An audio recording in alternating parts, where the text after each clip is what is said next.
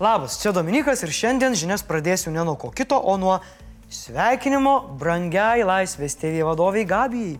Boso dienos proga visa komanda siunčia šilčiausius linkėjimus ir apkabinimus, o savivaldybė įjungia šildymą. O dabar grįžkime prie naujienų, nerimstančio ir vis kaistančio Izraelio karo temos. Izraelio aviacija jau dešimt dienų be perstojo plaka gazos ruožą, bandydama sunaikinti išpolius surengusius Hamas teroristus. Žuvusiųjų skaičius išaugo virš 2700, dar apie 10 tūkstančių gyventojų buvo sužeisti. Izraelio kariuomenė teigia iki šiol gazoje nukovusi šešis aukštus Hamas vadus, tame tarp ir pagrindinį vaduką, organizavusi išpolius. Deja, gazoje taip pat gyvybė neteko 11 palestiniečių žurnalistų. Izraelio kariuomenė perskaičiavo ir padidino teroristų laikomų įkaitų skaičių iki 199. Be to, izraeliečių tyrėjai, suradę žuvusių tautiečių kūnus, nustatė, kad Hamas padugnis ne tik kruopšiai planavo operaciją, bet pasiliko laiko ir kankinimams. Įsiutęs Izraelis, kaip žinia, sutelkė pajėgas palei sieną ir rengėsi puolimui sausumą, orų ir jūrą. Kariuomenės atstovai sako, kad bus labai didelė operacija. Nepatvirtintais duomenimis, ji buvo planuota jau savaitgalį, tačiau esą atidėta dėl prasto matomumo pilotams ir dronams. Kariuomenė tai neigia ir sako, kad dėlse dėl civilių evakuacijos. Plus Izraelis saugoja savo karių gyvybės ir įžengs tik tada, kai Hamas bus gerokai susilpninta, dezorientuota ir deorganizuota. Hamas rėmėjas Iranas ir Teherano remiama Libanų grupuotė Hezbollah perspėjo, kad gazos invazija neliks be atsako. Tuo tarpu Izraelis atgal kerta, kad Hezbollah teroristiniai grupuotėjai bus duotas mirtinas atsakas, jei ji ir toliau vykdys išpolius. Esmė paprasta. Jei į karą rimtai įsijungs galingi Hezbollah, net įspūdingasis izraeliečių geležinis kupolas nespėtų tvarkytis su dešimtimis tūkstančių raketų. Norėdamas atgrasyti platesnio masto karą, Junktinės valstijos atsiuntė vieną lėktuvnešį, o kitą jau siunčia. Be perstojo krentant bomboms savo namus paliko daugiau nei milijonas nevilties apimtų palestiniečių. Junktinės tautos praneša, kad degalų atsargos visose gazos ligoninėse tikėtina baigsis artimiausią parą ir įspėja, kad tokia situacija kelia riziką prie aparatų prijungtų pacientų gyvybėms.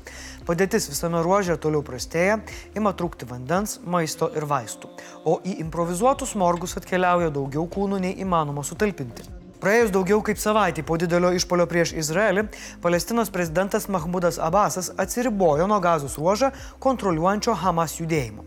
Sako, neva Hamas politika ir veiksmai nereprezentuoja palestiniečių tautos. Tiesa, vėliau teroristų kritika buvo ištrinta ir paliktas gana abstraktus komentaras apie kitas organizacijas. Dar prieš savaitę jis kalbėjo apie palestiniečių teisę gintis, o Izraelį vadino teroristais.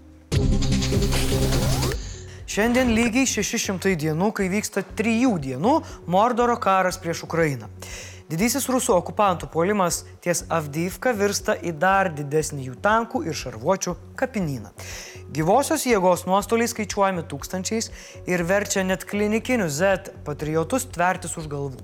Analitikai teigia, jog orkai jokios reikšmingos pažangos nepadarė, o puolamosios operacijos sulėtėjo. Tad Kremliaus pūlinys reaguodamas į situaciją keičia retoriką. Dabar pasak jo, tai ne aktyvi kova, o aktyvi gynyba. Kaip tą mėsmalę bevadinsi, nuostoliai okupantų pusėje didžiuliai. Vien per praėjusią parą buvo sunaikinta 17 tankų, 23 šarvuočiai, 44 artilerijos sistemos, viena daugkartinio paleidimo raketų sistema, 22 automobilių įrangos, autocisternų, degalų talpų vienetai, 5 specialiosios įrangos vienetai, vienas lėktuvas ir vienas raiktasparnis. Likviduota net 860 okupantų. Neveltui prorusiškose telegram kanaluose taip aktyviai renkama parama lavonmaišiams. Tuo tarpu Mordoro teroristai tęsia oro atakas. Šią naktį jie paleido vieną balistinę raketą Iskander M, penkias raketas CH-59 bei 12 dronų. Iš jų buvo numuštos dvi CH-59 raketos bei 11 dronų. Artėjant žiemai Mordoras aktyvino atakas prieš infrastruktūros objektus, įskaitant elektrinės ir tinklus. Po paskutinės atakos į Hersono infrastruktūrą, remonto darbų tarnyboms pavyko atkurti elektros ir vandens tiekimą beveik visuose rajonuose. Tačiau šaudmenų deficitas, o orkams tampa vis opesnis. Tad arklegalvis Ruskyno urmas susiruošė aplankyti Šiaurės Koreją, kuri remia Rusiją ginklais. JAV pranešė, kad Šiaurės Koreja pastarosiomis savaitėmis į Rusiją pristatė daugiau nei vieną tūkstantį konteinerių su karinė įranga ir šaudmenimis. Tuo tarpu Ukrainos atstovai teigia, kad Maskoliai vėl gali mėginti bet kuriuo metu atakuoti iš Baltarusijos pusės. Nors pakankamų pajėgumų dideliam polimui orkai neturi, ukrainiečiai ruošiasi atakas atremti.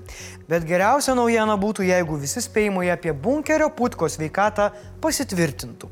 Nuo karo Ukrainoje pradžios įvairias versijas keliantis politologas profesorius Valerijus Solovėjus vėl įkvėpė visiems vilties. Jis teigia, kad Putinas jau vieną koją pasprigožina ir šio rudens jis tikriausiai nepragyvens. Saugumo tarnyboms sulaikius asmeninį Putino gydytoją, įtarimai dėl prastėjančios diktatoriaus sveikatos dar labiau sustiprėjo. Na tai teoriškai rudeniui ir Putinui liko pusantro mėnesio, tad kad laikas neprailgtų, skambinkim 1482, gal sulauksim gražesnio pavasario. Lenkai beveik išsirinko valdžią. Sakau beveik, nes galutinių rezultatų dar nėra. Tačiau tai netrukdo daryti pirminės išvadas. Esmė tokia. Tai nėra eiliniai rinkimai. Tai istorinis šansas Lenkams pasirinkti toliau eiti konservatyvių ir truputį nedemokratiškų arba europietiškų laisvės kelių. Dabartinės partijos konservatyvumo lygį parodo faktas, kad Europos parlamente jie vienoje frakcijoje su Tomaševskiu.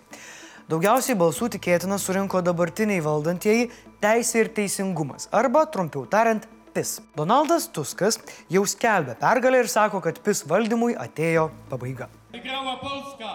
Wygrała demokracja! PIS bandymus suformuoti vyriausybę sunkina tai, kad jokios kitos politinės partijos, išskyrus mažesniuosius partnerius iš jungtinės dešinės koalicijos, neišreiškė noro su jais bendradarbiauti. Tačiau PIS sako, kad nepaisant, kaip viskas baigsis, jie tęs darbus. Jei teisingai suprantu, tai kišis į teismų darbą, blokuos ukrainietiškų grūdų tranzitą, reikalaus ukrainiečių dėkoti už paramą ir nurodinės, ką moteris gali ir ko negali daryti su savo kūnu. Jei pasitvirtins Tusko pergalė ir jis formuos vyriausybę, tai gali daug reikšti Lenkijos santykiams su Europa ir Ukraina. Jie tikrai turėtų gerėti. Nors rezultatai rodo Lenkų susiskaldimą, o toks valdžios pasidalinimas galimai sukels nestabilumų ir chaoso Lenkijoje, Lietuvos diplomatijos vadovas atmeta, kad tas nestabilumas galėtų pasiekti Lietuvą. Kad ir kokia vyriausybė bus, toliau tęsime strateginę partnerystę ir dirbsime kartu. Jam antrina Latvijos užsienio reikalų ministras. Lenkijos santykiai su mumis ir su Ukraina, taip pat ir su Rusija nepasikeis. Preliminariais duomenimis aktyvumas galėjo siekti 72,9 procento. Tai būtų rekordas nuo pat Respublikos atkūrimo. Kaip Jūs manot, ar Lietuvai geriau, kad pas kaimynus bus daugiau demokratijos?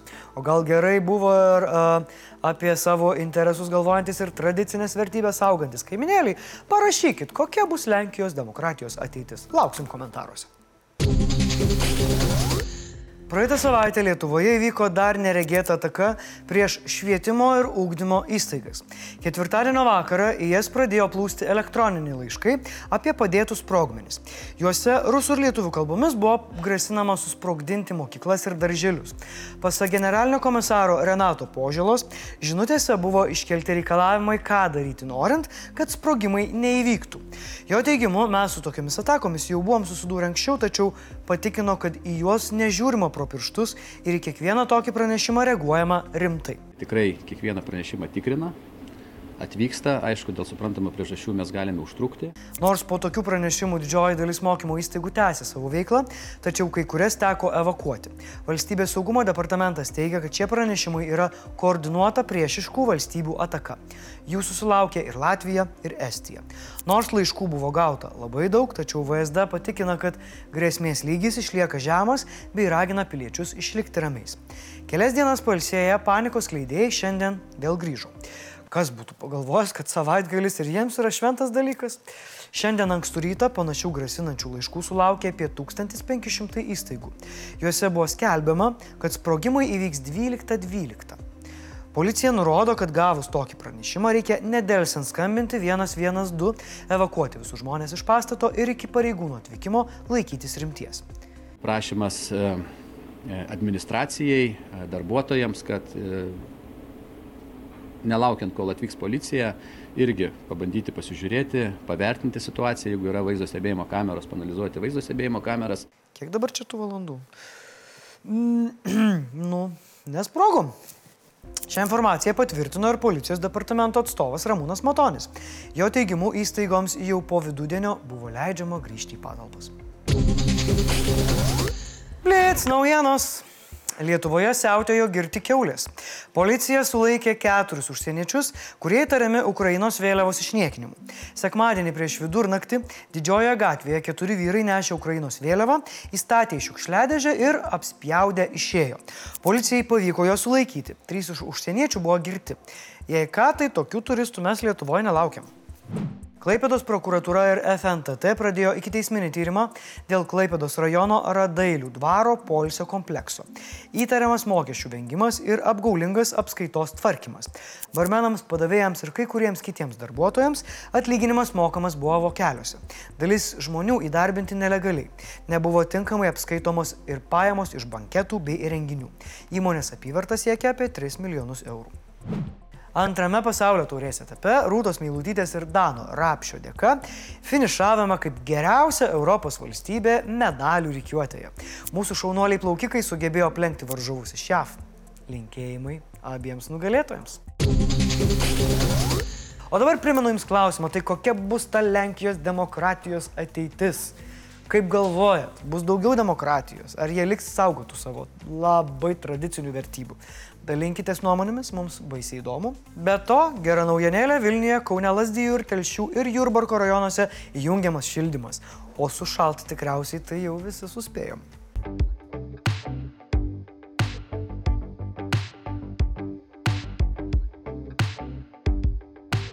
Komentarų metas. Praėjusį kartą klausėm, kiek žingsnių per dieną nužygiuojat. Pasirodo, kad tokie visai sveikuoliai esat, nes net sėdimus darbus dirbant, sugebat po 8 štuką suvaikščiot. O va Dombraza sako, kad per dieną nueina net iki 30 štukyčių. Va, koks įvykas. Sveikinu. Čia buvo Dominikas ir šiandien tiek žinių. Iki kito karto.